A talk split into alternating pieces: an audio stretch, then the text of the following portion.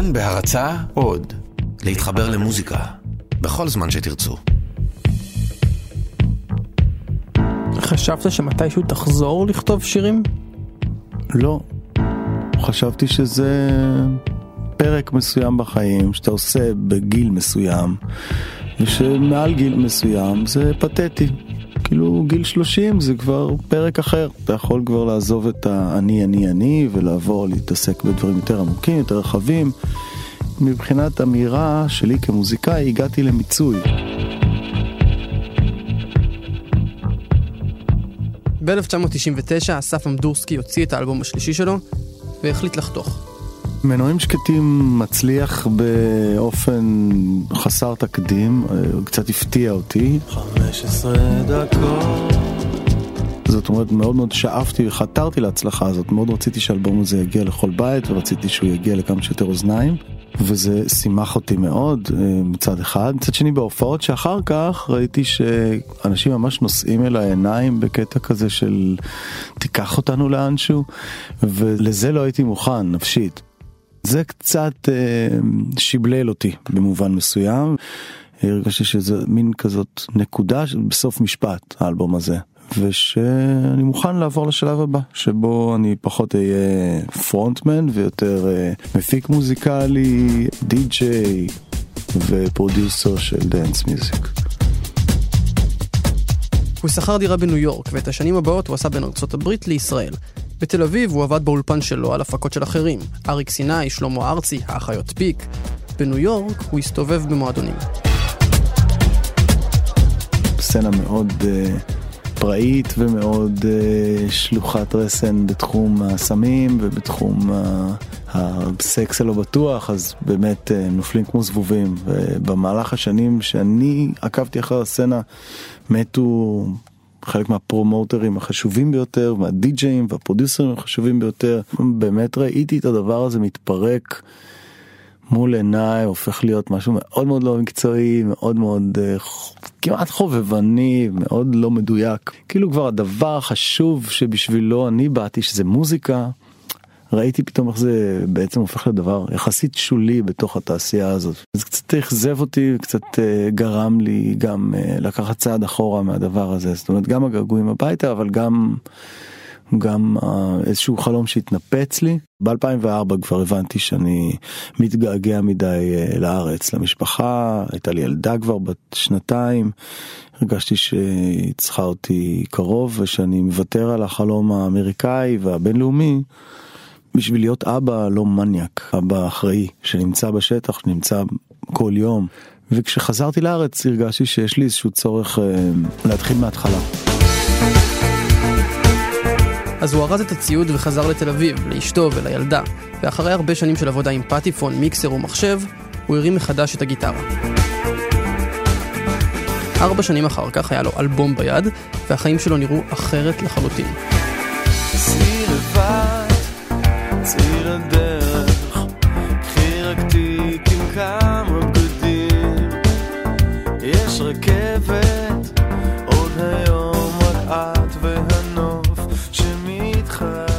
היי, כאן רום אטיק, אתם על שיר אחד, וזה הסיפור של רכבת לצפון. בשנת 2005 הייתי נשוי בדיוק עשר שנים. עשר שנים נישואים זה חתיכת זמן, אתה כבר מבין שאתה נשוי. אתה מקבל את זה. תמיד קיימים ספקות, מי לא שואל את עצמו, רגע, ואם הייתי אחר, ואם הייתי בסיטואציה אחרת, אם הייתי לבד עכשיו, אם הייתי נשוי לאישה אחרת, איך הייתי מתקיים. ובאותה תקופה הוא התחיל להאזין שוב ושוב לאלבום של מרווין גיי בשם Hear My Dear. זה אלבום גירושים.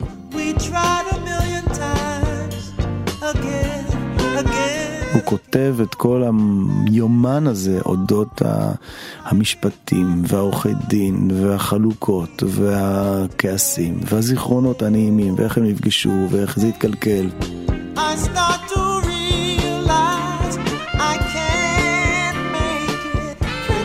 זה מאוד מאוד אה, הפתיע אותי ש...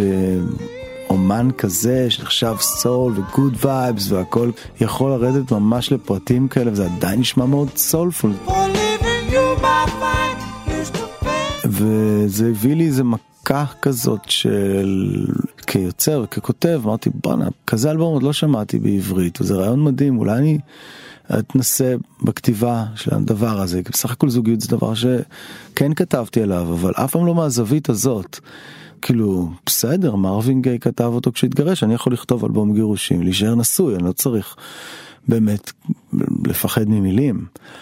אה, והתחלתי לכתוב תרגילים כאלה לאיך אני כותב הפוך במקום לכתוב אני אוהב אותך לכתוב אני שונא אותך במקום לכתוב איך אני לא יכול בלעדייך לכתוב ממש איך אני יכול בלעדייך.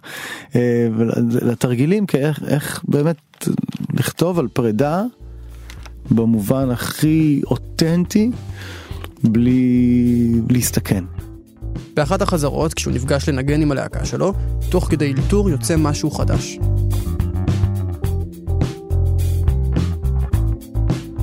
הטקסט נכתב תוך כדי שמנגנים את הגרוב. כן חשבתי על חופש שבן זוג אחד יכול להעניק לבן או לבת הזוג שלו להגיד אה, הדלת פתוחה כפרה, צאי החוצה. זאת אומרת, אה, אני לא מחזיק אותך פה בכוח, אני לא מחזיק אותך פה בכוח, אפשר, הכל, הכל קול, שום דבר ממה שסיכמנו לא חייב להישאר בקיבעון.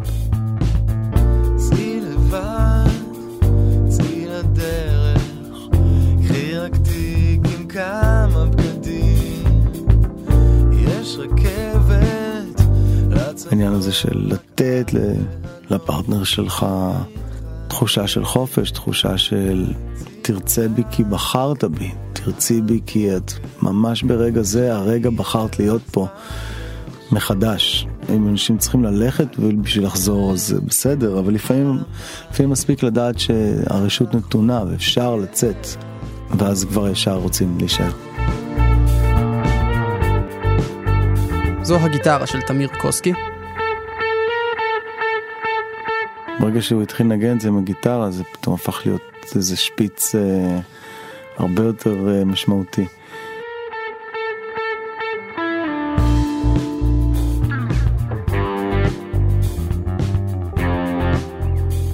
על הטקסט אני קראתי קקי בכנרת דיברתי עם חבר שלי עם פושטק זה התחיל מזה שעשינו טיול משפחות ביחד. הוא ואשתו והבת, ואני ואשתי והבת, ולקחנו ביחד איזה מקום כזה על שפת הכנרת, והצחיק אותנו העניין הזה של קקי בכנרת, כי מתישהו כולם עושים קקי בכנרת, או שכולם נתקלים בזה שמישהו עושה. הבנו שזה מין משהו שבאמת אה, אין ישראלי שלא מכיר את הביטוי הזה, כי זה כן יש בזה איזה משהו של תמימות ושל חופש ושל קצת אה, משולח רסן. קיצר המילה קקי בכנרת לא מופיעה באף אחת מהגרסאות המילוליות אבל בגלל שהכנרת מופיעה במילים ואווירת החופש והקיץ אז איכשהו השם קקי בכנרת הפך להיות אה, השם של השיר. בסט ליסטים הוא היה נקרא קקי בכנרת כל פעם אה, על הנייר. אמ,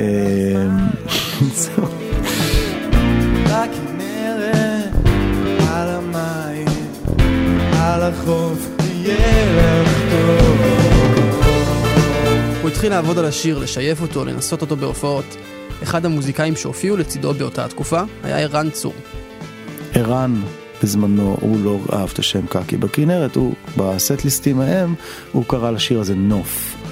פתאום כל הנסיעה הזאת ברכבת, שאתה רואה את הנוף מתחלף, הופכת להיות הנושא של השיר, ולא, ה... ולא איזה משהו בדרך לנושא של השיר. אה, זה גם מאוד מאוד עזר. את הראש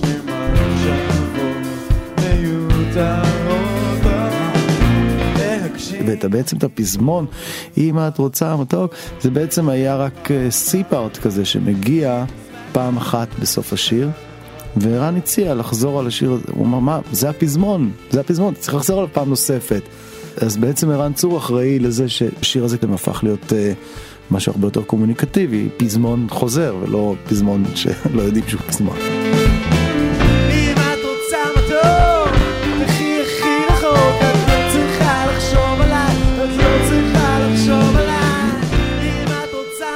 אז השיר קיבל צורה, אבל משהו עדיין הרגיש לא מדויק. אמדורסקי המשיך להקליט עוד ועוד.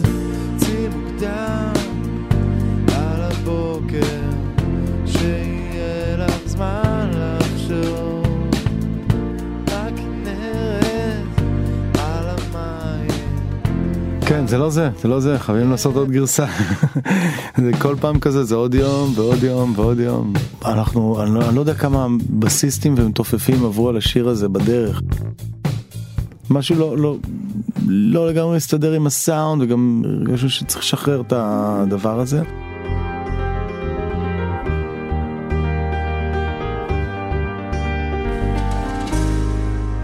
זה היה כאילו הכי יפה שהצלחנו.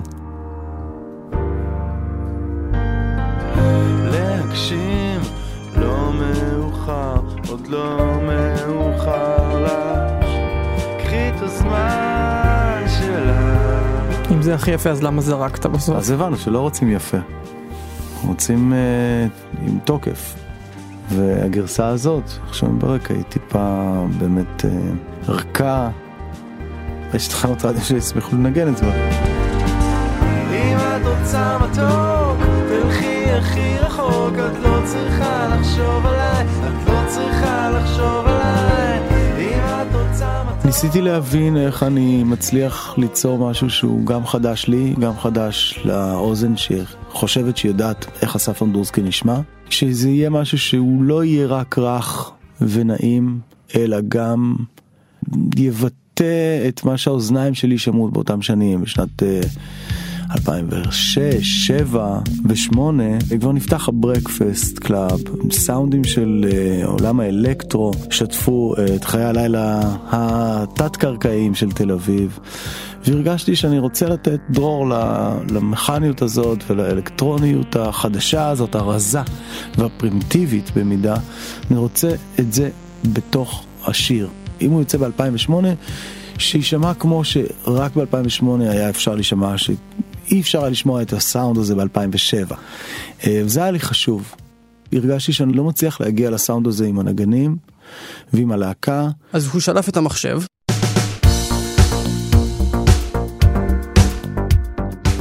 סינטי קר כזה שקצת מבטא את, ה... את האלקטרו של אותם שנים.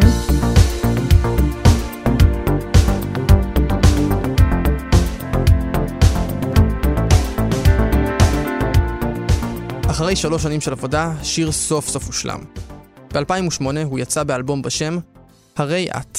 אז הייתי נשוי מאוד, עם אלבום גירושים ביד, ובכל מקרה עד אותה נקודה לא האמנתי ששירים הם ביוגרפיות. זה שלא צריך לחפש בשירים את הביוגרפיה של האומן, שזה דבר מאוד uh, פלקטי, טיפשי, וזה כאילו מתאים לעיתונאי ממעריב לנוער לשאול, אז כתבת את החדר האינטימי כי, כי היית בחדר והרגשת אינטימי?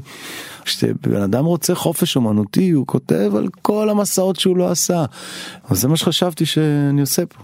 אז זה שלוש שנים של עבודה על טקסטים שהלכו והתחדדו והתחדדו והתחדדו והבשילו וממש לקראת צאת האלבום הבנתי שאני גם הולך להתגרש. האלבום הקדים את, ה... הקדים את הביוגרפיה. יש לך הסבר לאיך זה קרה הדבר הזה?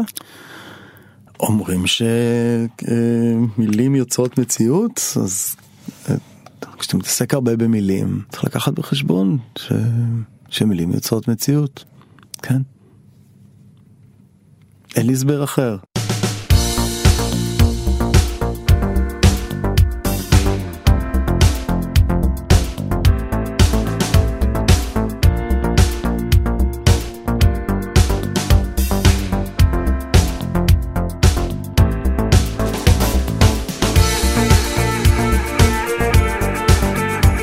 זה היה שיר אחד. הפקתי את התוכנית הזאת יחד עם אייל שינדלר וניר גורלי. תודה לאסף רפפורט שהיה טכנאי ההקלטה. עוד פרקים בסדרה ופודקאסטים נוספים שלנו אפשר למצוא בכאן org il פודקאסט. אני רומטיק, תודה שהאזנתם. ביי ביי.